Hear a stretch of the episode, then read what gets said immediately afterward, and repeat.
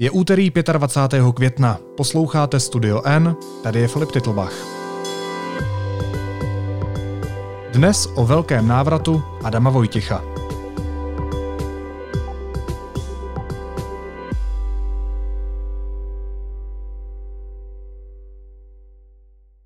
Nemyslím si, že je také nutné, aby byla moje rodina, přátelé, kolegové i pacienti Vystavování během mé práce pro veřejné zdraví tomuto stupňujícímu se nepříjemnému tlaku. Proto jsem se po důkladném uvážení rozhodl, že odstoupím z funkce ministra zdravotnictví České republiky. Panu premiérovi jsem dnes ráno do Bruselu oznámil svou rezignaci. Odešel čtvrtý ministr zdravotnictví této vlády a nastoupil pátý, který byl současně i prvním. Petr Arenberger rezignoval a do čela ministerstva se vrátí Adam Vojtěch. Hosty podcastu jsou Iva Bezděková a Honza Moláček. Vítejte, ahoj. Ahoj, děkuji za pozvání. Hezké odpoledne, taky děkuji za pozvání. Honzo, očekávalo se, že Petr Arenberger skončí? Očekávalo se to už nějakou dobu, protože těch skandálů, které se vynořovaly s železnou pravděpodobností, tuším každý druhý den, už bylo příliš mnoho a některé z nich byly skutečně už tak závažné, že si nedovedu představit, že by je nějaký ministr ustál ve funkci. Co se nečekalo, nebo alespoň tedy pokud mohu mluvit za sebe, eh, je to, že se do té funkce vrátí staronový ministr Adam Vojtěch. Tam si myslím, že to je trošku překvapivý tah, možná trošku tah z nebytí, k tomu se asi ještě dostaneme, ale ten odchod, odchod Petra Arenbergera si myslím, že byl už na spadnutí. Ivo, jak podle tebe Petr Arenberger zvládal samotný rezort, to znamená zdravotnictví v této zemi? On měl eh, tu situaci hodně ulehčenou tím, že přišel ve chvíli, kdy už eh, ta covidová čísla hodně padala, eh, očkování už bylo nastartované, lidi začali nosit respirátory, děti se vracely zpátky do škol. Ehm, pro ehm, pozorovatele bylo docela dobré zjistit, že konečně naslouchá odborné skupině lidí, kteří tomu trochu rozumí, tím myslím teďko MESES. Takže ty děti tam vrátil do škol s nějakými podmínkami, tak aby se znova ta epidemie nerozjela rozjela, eh, testování se rozjelo i ve firmách a podobně, eh, ale bohužel vlastně jakoby na konci toho svého období ve funkci eh, tu spolupráci utnul, takže takhle se dá hodnotit to působení ministra, že začátek teda byl slibný, co se týče té odborné stránky nebo té covidové, ale na konci toho svého působení se vrátil vlastně zpět k té své původní skupině, klinické skupině na ministerstva zdravotnictví, která tady byla v době těch nejhorších čísel. Honzo, jaké byly jeho největší problémy podle tebe? Skončil kvůli kauze svých nepřiznaných desítek, kolik jich bylo, asi 65 nemovitostí? Je tohle ten hlavní důvod? Tam těžko asi říct, který z těch důvodů byl hlavní. Oni, oni se kupili, byly to tyto nepřiznané nemovitosti, byl to jeho střed zájmu, kdy on vlastně e, spolu rozhodoval o úhradách v té oblasti medicíny, myslím teď o úhradách pojišťoven v té oblasti medicíny, ve které sám podnikal. E, pak tam byly Eh, pak tam byl ten problém s tím, že vlastně nemocnici, kterou řídil, co by ředitel, tak pronajímal eh, jednu z těch eh, svých vlastních nemovitostí na své soukromé klinice, prováděl výnosné testování léků, prováděl tam nějaké klinické testy léků, které Eh, vykazoval jako kosmetické operace nebo něco podobného. Takže těch problémů tam byla, byla celá řada. Který z nich byl skutečně tím nejzávažnějším, já si to netroufám tvrdit. Já si myslím, že to byla spíš ta kumulace, která nakonec vedla k tomu, že eh, Andrej Babiš zřejmě ztratil se svým čtvrtým ministrem, eh, čtvrtým ministrem zdravotnictví trpělivost. Já možná ještě dodám k té otázce, zda byl úspěšný nebo zda, zda, zda se mu eh, povedlo nějakým způsobem ten rezort řídit. Ono je asi otázka, z jakého hlediska se na to díváme, protože to, co říká Iva, je samozřejmě naprosto pravda, ale já možná připomenu jednu věc, na kterou se úplně zapomnělo, že on do té funkce vlastně nastoupil s tím, že má obstarat Sputnik. To byl vlastně hlavní důvod, proč tam šel. Jemu se říkalo nějakou eh, chvíli i ministr Sputnik. Takže já si myslím, že z pohledu prezidenta Zemana, který o to velmi stál, aby se v České republice očkovalo neschválenou ruskou vakcínou, ten eh, projekt nebo, nebo to jeho působení bylo velmi neúspěšné. Samozřejmě on, eh, jak říkala Iva, on zvládl tu situaci s covidem, která v té chvíli už byla v podstatě pod kontrolou, takže tam neměl těžkou práci, ale tady, tady je taková paradoxní věc, že on vlastně tam nastoupil s jedním řekněme, hlavním úkolem, ale deset dní po jeho nástupu do funkce přišla aféra Vrbětice a v podstatě jakékoliv úvahy o Sputniku se staly v podstatě neprůchozí, takže, takže tady on musel těch eh, pravděpodobně plánů, které měl zanechat. A také by to byl trochu nesmysl eh, schánět Sputnik. Víme, že očkování těmi schválenými vakcínami teď probíhá naštěstí eh, celkem rychle a bez problémů, takže myslím si, že v této situaci v tom původním projektu nebo v tom původním plánu nějak pokračovat, schánět neschválenou vakcínu, nějak tady jí testovat nebo, nebo se s ní snažit očkovat, by byla opravdu eh, velká chyba asi by to nebylo dobré ani pro řekněme PR vlády nebo něco podobného. Bylo by to skutečně jenom splnění nějakého snu prezidentu Zemanovi a je dobře, že k tomu nedošlo. Když říkáš, že Petr Arenberger byl oblíbencem prezidenta Miloše Zemana, eh, tak jak to má Adam Vojtěch? Já nevím, jestli byl vyloženě oblíbencem, ale byl to prostě člověk, který dal na jeho ochotu eh, vymyslet nějakou cestičku, kterou by se ten Sputnik sem dal dostat a to zřejmě prezidentovi stačilo, já jejich osobní vztahy eh, neznám, takže, takže nevím, jestli bych použil přímo tohleto slovo.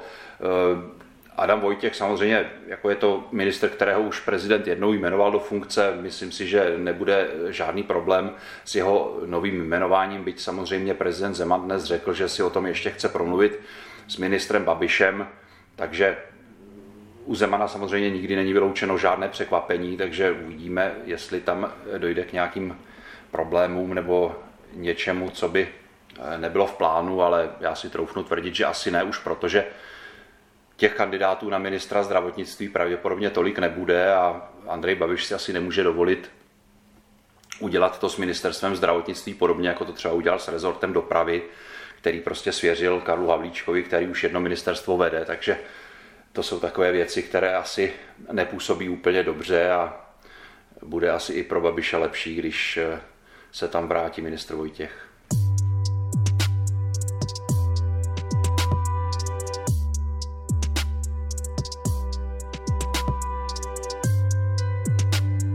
Ivo Honza v jedné ze svých dřívějších odpovědí řekl, že pro něj bylo překvapení, že se vrátil právě Adam Vojtěch, se kterým už v pozici ministra zdravotnictví jaksi máme svoje zkušenosti. Ty se zabýváš jako novinářka zdravotnictvím už léta, takže by tě toho asi nemělo úplně moc překvapit. Tak by mě zajímalo, jak šokující ta informace byla pro tebe, když se to dneska dozvěděla. Uh...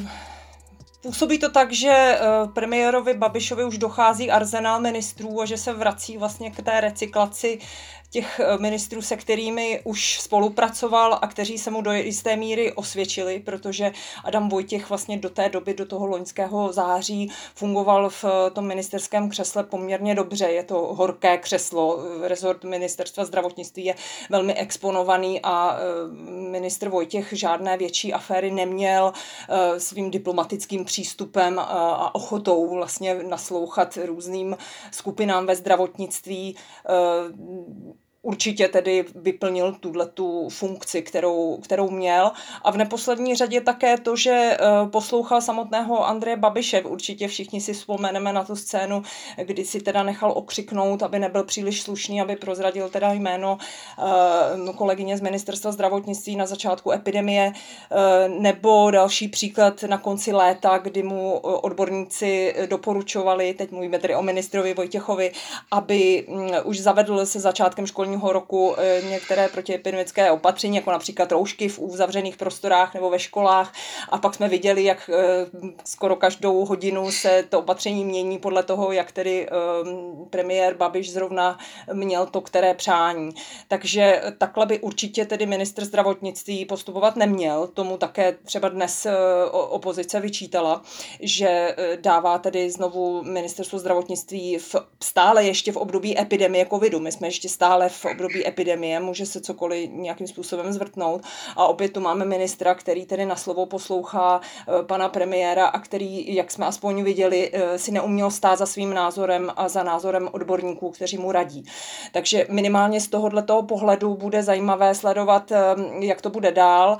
Má kolem sebe poradce z té klinické skupiny, kteří jsou také spíše pro rozvolňování, kteří také tedy nebyli moc na konci léta pro to, abychom byli opatrní. E, proto nezbývá nic než doufat, že opravdu se ta epidemie nějakým způsobem nerozjede a nebude muset ministr Vojtěch opět teda nám předstupovat před veřejnost a, a hlásit nějaká, e, nějaké velmi smutné zprávy.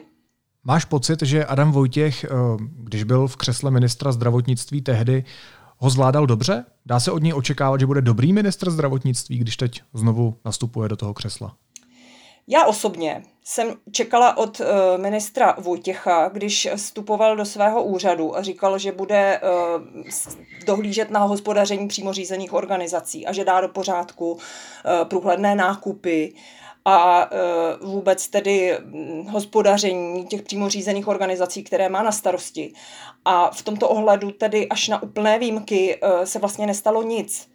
Když jenom tedy vidíme, že vlastně zpětně, třeba právě na příkladu e, Petra Arnbergera, co všechno se teda dělo ve Vinohradské nemocnici, zůstaňme jenom u tohoto konkrétního příkladu, tak to se dělo vlastně za doby, kdy byl šéfem ministr Vojtěch. Eh, za ministra Vojtěcha bylo možné, že pan eh, Arnberger, pan profesor Arnberger eh, pronajímal svoji vlastní nemovitost nemocnici. Byť to samozřejmě už tedy zahájil v roce 2013, tuším, kdy tedy Vojtěch ještě nebyl ve funkci.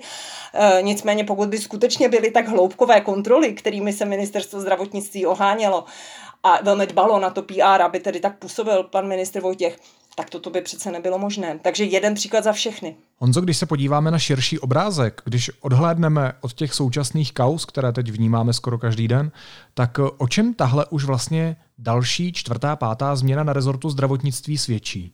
Já si myslím, že především svědčí o tom, že hnutí ano není tradiční politická strana, což samozřejmě neříkám nic nového. Ono si na tom v podstatě i zakládá, že není tradiční strana, že je hnutí, že je pro všechny, že, že není jako ti ostatní, jako ti předtím, jako to Palermo, které tady vládlo, než přišel Andrej Babiš, takže ono je to součást i, součást i eh, oficiální propagandy Andreje Babiše, ale Eh, jeden rozdíl mezi hnutím ANO a tradičními politickými stranami on nikdy příliš nezúrazňoval a, a možná, že jsme ho ani tak eh, nevnímali příliš. A sice ten, že v normálních politických stranách to nějakou dobu trvá, než člověk doroste do pozice, na které může uvažovat o tom, že se stane ministrem. Musí prokázat nějaké schopnosti do té doby, musí, eh, řekněme, ukázat, že umí komunikovat, musí ukázat, že Eh, nemá střety zájmu, toto všechno je pod, drobno, eh, pod drobnohledem už v těch stranách samotných. Samozřejmě o ta, o ta místa je tam eh, nějaký vnitrostranický konkurenční boj a, a, a je to, takový, je, to taková, je to taková prostě líheň osobností, které potom, když nastoupí do nějaké funkce ministra, tak je reálné očekávat, že v ní vydrží třeba celé volební období, nebo pokud ne, tak z nějakých důvodů, které třeba nelze tak úplně ovlivnit. Samozřejmě není to tak ideální nebo idealistické, jak to teď popisuju, ale ukazuje se, že v Babišově hnutí ano, tohle vůbec nefunguje. Možná to tam z začátku trochu fungovalo, ale postupem času vlastně od Andreje Babiše dali ruce pryč všichni, kdo mají nějaké profesní renomé, kdo si na něm zakládají a kdo pochopili, že v Babišově vládě prostě nedosáhnou žádného úspěchu a když se jim to náhodou podaří, tak si ho stejně přivlastní Andrej Babiš. Takže Andrej Babišovi nezbývalo nic jiného, než eh, jít stále dolů a dolů a dolů s těmi požadavky, které na ministry má. Eh, vzpomeňme na některá jména, Tatiana Malá, Vladimír Kremlík, to jsou, to jsou lidé, kteří by se normálně do ministerské funkce nikdy neměli šanci dostat. Samozřejmě u těch ministrů zdravotnictví u těch ministrů zdravotnictví to tak úplně neplatí, eh, jak minister Primula, tak minister Blatný a tak vlastně i končící minister Arnberger byli respektovaní lékaři, ale ono nestačí být respektovaný lékař a nestačí dokonce být ani manažer, zkušený ředitel nemocnice nebo něco takového. Politika je ještě o něčem jiném a tady se ukazuje, že to prostě ta, ta nabídka, nabídka těch lidí v tom hnutí ano není. Eh, ministr, vlastně paradoxně eh, byl to ministr Vojtěch, který nebyl lékař a neměl zkušenosti s žádným vedením nemocnice nebo něčím takovým, kdo vlastně v té funkci eh, vydržel nejdéle a vlastně v ní měl, řekněme, jako nejmenší, nejmenší skandály. Vlastně musel odejít hlavně proto, aby Andrej Babiš měl na koho hodit to vlastní selhání, kdy on sám vlastně přesvědčil Adama Vojtěcha, aby nezaváděl roušky po prázdninách loňských a podobně. Samozřejmě to chyba ministra, že se o tom přesvědčit nechal, měl si trvat na svém názoru, na názoru, který měl od odborníků, ale, ale i tak je to, prostě, je to prostě rozhodnutí premiéra, tehdy to tak bylo jasně prezentované. Paradoxně je to proto, že vlastně tady vidíme, že určitá politická průprava, možná i nějaký talent na politiku je zkrátka dobře pro funkci ministra potřebný a pokud ho pokud takové lidi ta strana negeneruje, tak vlastně nefunguje a hnutí ano, myslím si, že dneska už to můžeme říct úplně s naprostou jistotou nefunguje. Je to vlastně už dneska jenom prázdná skořápka, která slouží jenom k tomu, aby měl Andrej Babiš co si napsat na billboardy, nějaký název nějaké strany nebo, nebo hnutí, aby to nevypadalo, že prostě kandiduje jenom sám za sebe, ale ve skutečnosti to tak je. On je skutečně čistě už jenom e, vlastně sám sebou, obhajuje jenom svoje zájmy v politice a e, snaží se budit dojem, že vede nějakou stranu, která je něčím na způsob klasické politické strany, ale zase ne tak úplně, protože eh, ta image je trošku jiná, že to je hnutí ze spodu, což samozřejmě už vůbec není pravda. Takže si myslím, že Andrej Babiš tady narazil na svoje limity, tady ta výměna ministrů vlastně čtyři, mini, čtyři výměny během tři čtvrtě roku eh, to jasně ukázala a myslím si, že už eh, nelze čekat, že by se na tom něco změnilo. I kdyby Andrej Babiš třeba vládl i v příštím volebním období, tak si myslím, že budeme pořád svědky takové vyprázdněné eh, marketingové politiky, kdy neustále budou přicházet nějací lidé, od kterých budeme čekat nějaké zázraky, ale ty nikdy nepřijdou. Ještě jedna věc eh, mě dneska zaujala, když jsem dopoledne sledoval tiskovou konferenci. Pan Arenberger, který při nástupu do úřadu říkal, že má moc rád novináře, tak teď, když po velmi krátkém působení odchází, eh, řekl, že zažíval mediální lynč a vlastně to znělo na té tiskové konferenci trochu jako kdyby za ten jeho konec mohli novináři. Eh, zajímalo by mě, jak rychle lze v Česku přejít z dobrého vztahu s novináři v jejich nenávist?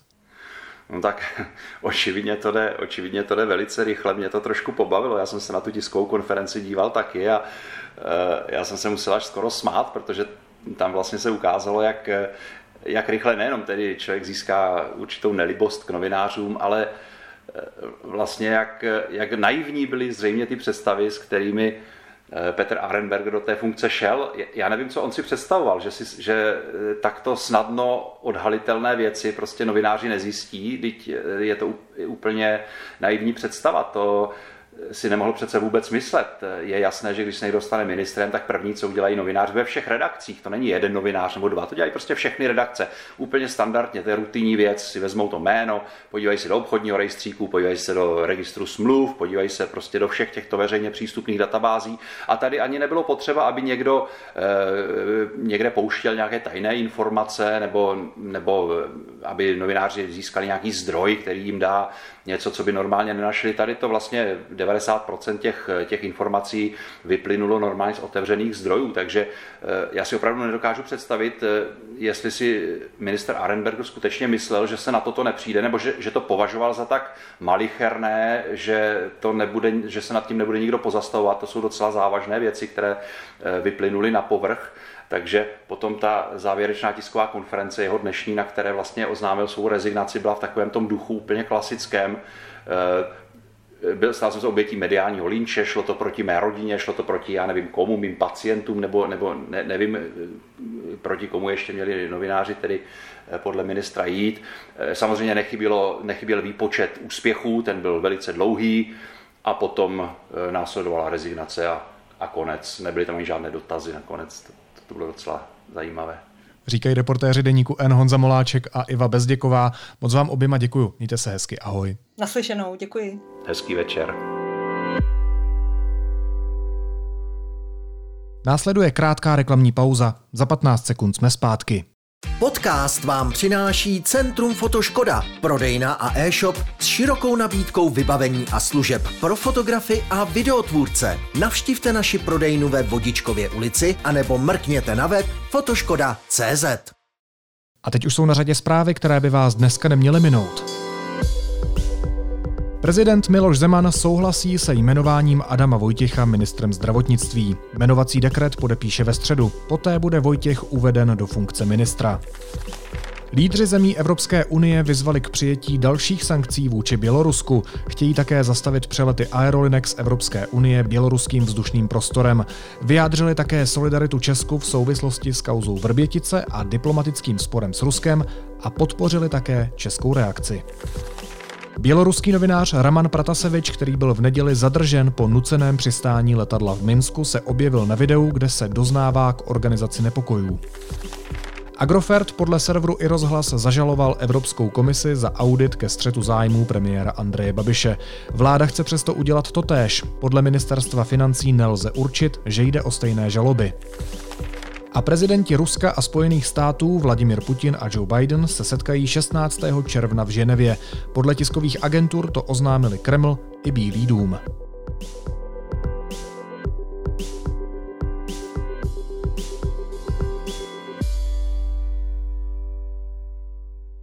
A na závěr ještě jízlivá poznámka.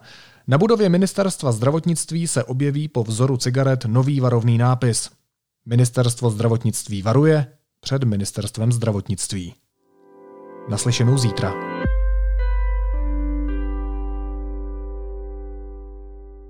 Partnerem podcastu je Dramox.cz. Stovky divadelních představení na jednom místě. Nyní i jako televizní a mobilní aplikace. Dramox.cz, vaše divadlo online.